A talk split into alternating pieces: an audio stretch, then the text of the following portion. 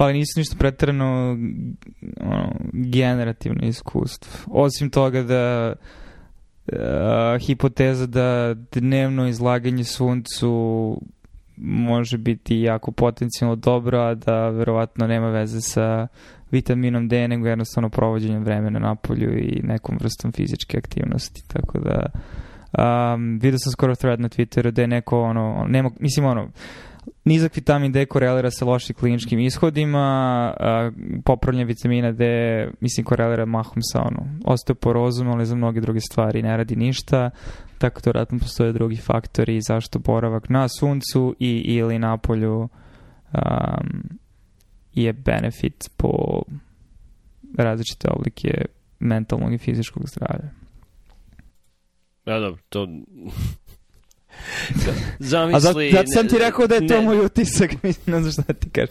Plivanje u, u moru i prijav. Mislim da, da generalno imanje slobodnog vremena, ne, ne bavljanje stvarima sa posla, mailovima i ne provođenje vremena u prevozu, a, pozitivno korelira sa Ali nije, uh, pišem, zadovoljstvom tako u da- životu. Da Pišem, pišem, tako da ovaj, ima, ima i rad. Dosta u stvari čak, jer se ovo zahuktalo, ali a, privodim kraju. Tako da je bilo ono podele između a, rade i... Eto, možda utisak u stvari, a, dobri hoteli su super izvor uh, ono kancelarije uh, brze zato što generalno nije velik saobraćaj barem u turističkim mestima uh, a, gostiju hotela u tom delu koje je kao kafić lobby, zato što su ili ono na bazenu u hotelu ili na plaži, pogotovo u toku dana, a ako je dobar hotel, onda i ambijent super, a cene su relativno pristupačne, tako da imaš nešto što je bolje od WeWorka po ceni drastično manje, jer ono, popiš kafu, malo kupiš vodu i možeš cijel dan da sediš. Znači da si radio? Pa između ostalog, da, da, da. Ovaj, eto, možda to da uđe u temu u kojoj si vidio da si ti htio da diskutuješ, ali želim napred da se ogradim i da ne budem strawmanovan, ali delo mi da ti formiraš svoj stav po pitanju PKM-ova i sličnih aplikacija. A, misliš, onaj članak koji sam poslao. Uh, mislim, da, članak je zanimljiv, nisam siguran da, da se potpuno slažem što onim što piše u njemu, ali Uh, čemu je suština članka? Suština je da Mislim... Ok, neću pričati o suštini članka. Pričat ću o onome što ja mislim o toj temi. PKM je Personal Knowledge Management, to su sistemi koji ljudi koriste za sistematizaciju uh, svog znanja ili ljudskog znanja ili sistematizaciju podataka digitalnih uglavnom koje imaju u životu. Kažem uglavnom digitalnih jer ima, ima i ljudi koji insistiraju na tome da ne, trebalo bi stvari to sve da bude rukom pisano i postoje različiti sistemi, veliko S sistemi, kako da sistematizuješ to, kako da rasporediš koja, šta je najbolje i ono što se najčešće spominje Zettelkasten, mislim da smo i, i, i pričali o tome, koji je jedan sociolog u Nemačkoj 60. godina razvio sistem kartica uh, koji je, kako se prezio, Luman, Lumen. Luman. Um, e, mhm.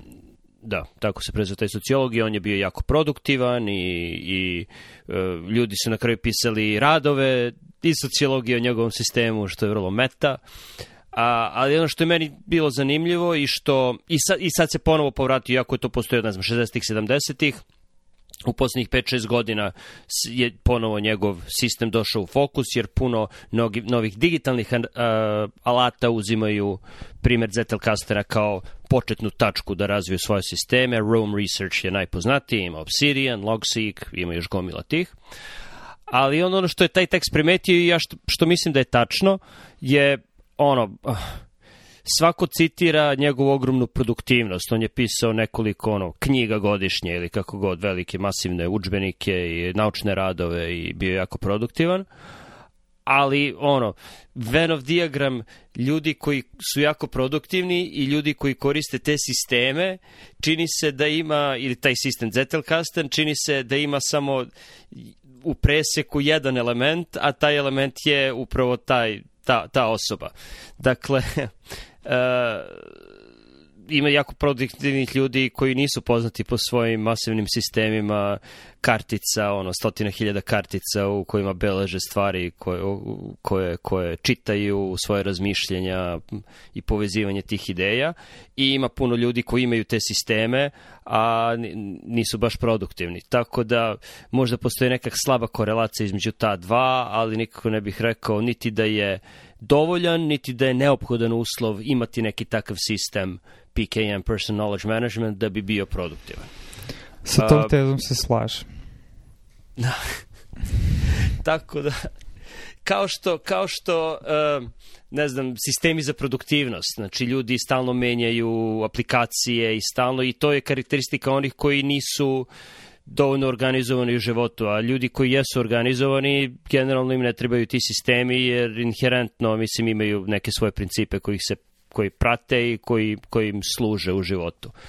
Kao, kao što sistemi za produktivnost nisu ono ni dovoljan ni neophodan uslov za za ono obavljanje zadataka u životu, tako da mislim ni PKM-ovi nisu ni dovoljan ni neophodan uslov za, za naučni rad ili umni rad ili kako god hoćeš rad.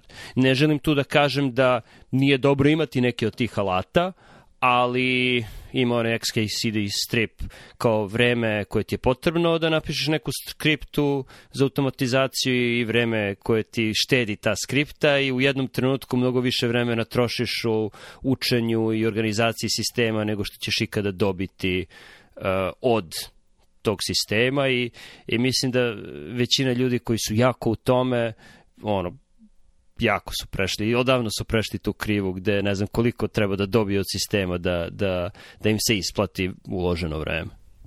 Da, mislim ja sam često razmišljamo i kapiram da ću okačiti link o, o tom grafiku zato što hvatam sebe prečesto da pokušavam da automatizujem neke stvari uh, ali mislim postao malo bolji u selekciji jer na kraju dana to je nešto što ono, tipa, podesiš mum da imaš prečice na tastaturi da stavljaš prozore na određeno mesto kroz prečicu, podesiš um, ono, e, text expansion za različite stvari i tako dalje. Ovaj, shvatim da mi uštedi mnogo vremena. Pogotovo kad sad, naš, ono, malo više čitam i pišem, uh, A, kad skidaš gomilu radova i treba da ih importuješ, da ih organizuješ, da ih pročitaš, da ih povežeš. A, ono što sam ja našao, barem, barem za neko kao što sam ja u smislu u, u nekim aspektima, znaš, ulaziš u polje, pokušaš da vidiš ono koordinate polja gde su stvari, gde će stvari da idu, šta je publikovano u poslednjih par godina i šta je toga bitno, ko koga citira.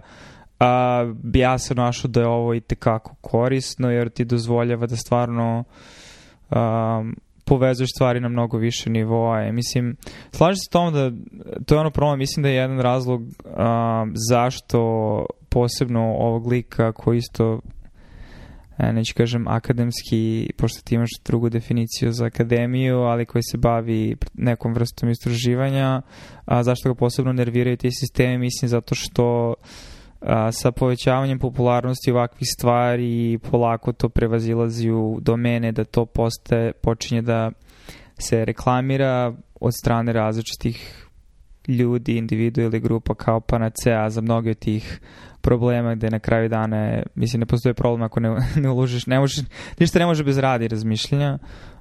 Um, I mi slažem se da sada sa porastom popularnosti i broja tih dostupnih aplikacija uh, da je ono, e, procenat grifta se takođe povećava, gde imaš ljude koji ono prodaju kurseve od po ne znam koliko stotina ili hiljada dolara sa namerom da te nauče kako da koristiš tu jednu aplikaciju koja je pritom ono proprietary, tako da je uopšte upitno koliko je dugoročna vrednost tog kursa, ali ako si dovoljno ono ako ne žuriš previše, samo razmišljaš šta ti može izvući svega toga i organizuješ sam, mislim da ono, outliner sa backlinkingom sam po sebi je i više nego dovoljan i svaka aplikacija koja to podržava je um, znači i tekako veliki napredak u odnosu na ono što smo imali što se tiče ref, reference managera ranije.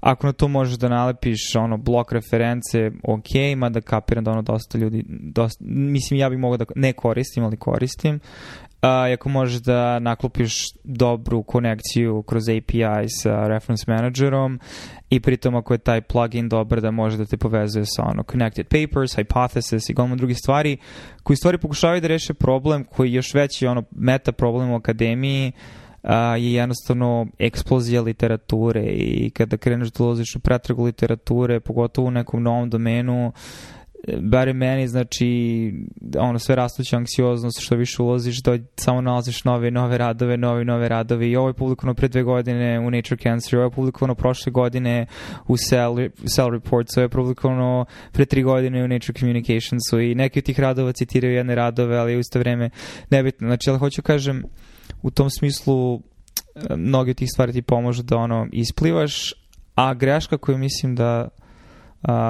pravi lik u tom blog postu je između ostalog što mislim da pocenjuje možda rezultat, rezultat toga što je slušao ljude koji se ne bave ozbiljno time i spadaju taj venu diagram ljudi koji gube vreme sa tima, to je a, ne, nećete stvari koje ti importuješ same isplivati i stvoriti ti nešto što ti napraviš, ali ako ti koristiš to kao alat da organizuješ svoje misli i razmišljanje dok procesiraš nešto, a, ovakvi lati ti omogućavaju da mnogo efikasnije radiš neke stvari za koje bi ti trebalo mnogo više vremena. Jer znaš, nekad neki rad pročitaš ovlaš i uhvatiš jedan kontekst, pogotovo kao ono ogroman rad koji ima, ne znam, ono 5-6 različitih metoda koji se tiče nečega, a onda iz nekog drugog konteksta uhvatiš taj rad ponovo i onda povezuješ na nove načine i mislim jedan gomilo sad da ono metanoutova koji organizuju različite aspekte i spajaju radove u, na različite načine gde onda ja pišem svoje komentare i kako se šta spaja, a onda neke od tih stvari polako prerastaju, mislim i opasu se stvari koje trenutno pišem, tako da uh, mislim barem na kraju dana znam da je ovo dosta išlo ono tangencijalno, ali um, Boj ne bije svetlo oružje, no boj bije srce u junaka, ali u isto vreme ako imaš dobro oružje koje će ti učiniti efikasnijim proces prikupljanja i procesiranja i organizacije, interpretacije, onda je to vrlo korisna stvar. A koje oružje, odnosno alat je, je koristan, mislim to će zavisiti od osobe, pošto ne funkcioniše svačiji um isto i nisu... Generalno, mislim, digitalne stvari treba da, da popune nedostatke tvog načina razmišljanja, pamćenja, povezivanja.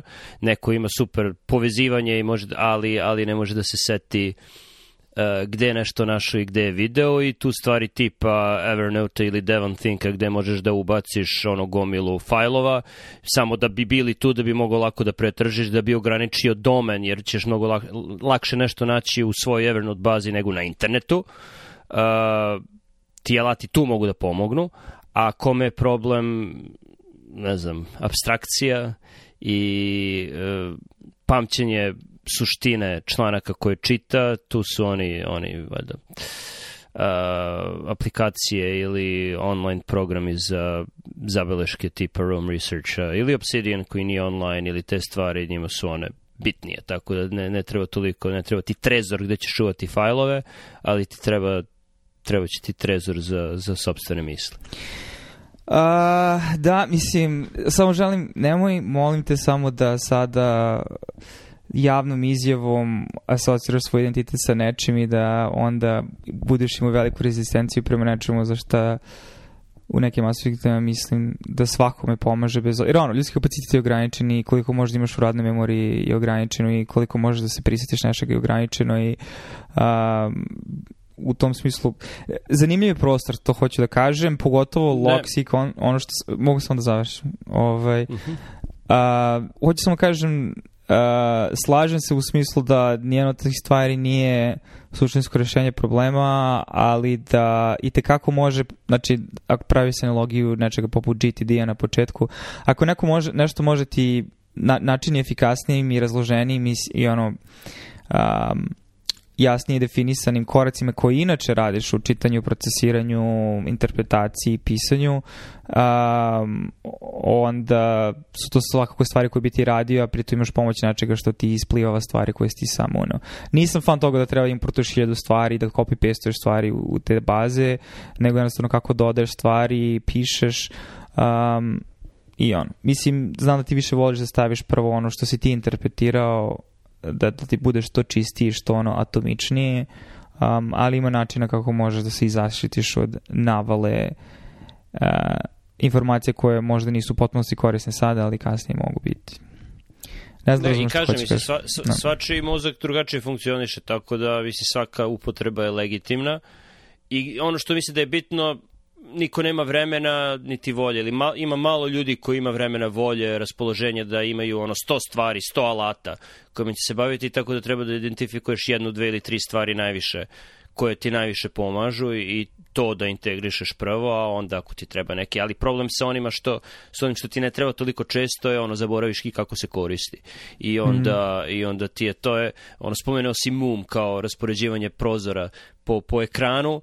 A, ako ne koristiš te prečice svaki dan, zaboravit da ih ima uopšte. Tako da, mm. da generalno zato kažem tre, najčešće ćeš koristiti ono gde ne ide ti po automatizmu, nije ti toliko lako da, da ti treba neka digitalna štaka i onda ćeš to koristiti svaki dan i onda će to biti mnogo, mnogo korisnije ono odnos uloženog vremena i, i dobiti će biti mnogo bolji kod tih stvari nego kod nečega što koristiš jako redko.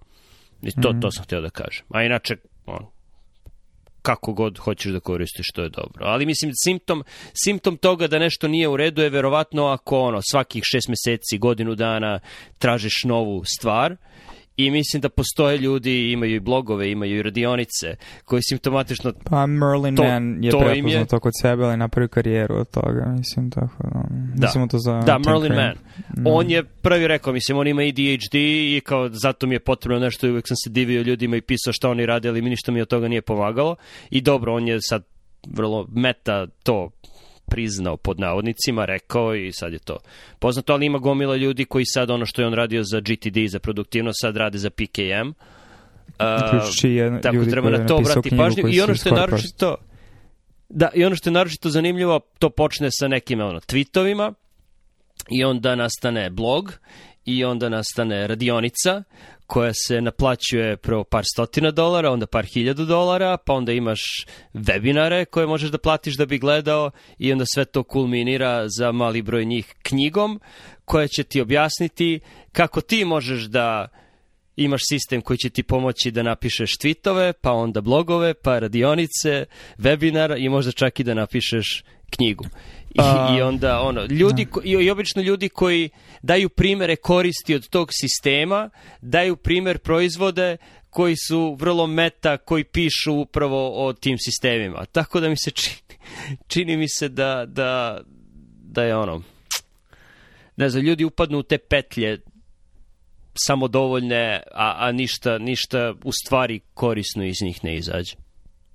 Da, ali mislim da taj mehur uh, polako eksplodira sada. Vrh je bio, znači, tokom covid i prošle godine kada je ono i bilo prvo gomila ljudi koje radi sve više od kuće i pokuša da nađe nove izvore prihoda, ali sada sa recesijom čisto sumnjam da će neko plaćati 500 dolara kurs za uh, ono, uh, build a second brain ili šta već, ako na to aludiraš. Da, to je jedan primer, ali ono što je zanimljivo je ima gomila ljudi koji pišu o tome kako im je Second Brain kurs pomogao i evo, vidite sad moj sajt i ti na taj sajt odeš i to je potpuno ista stvar.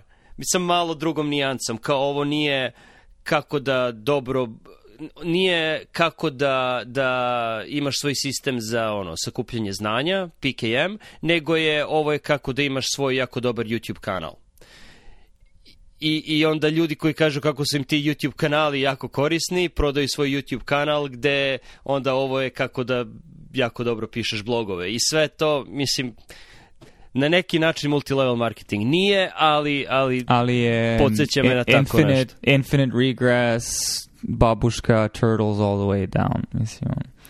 Da.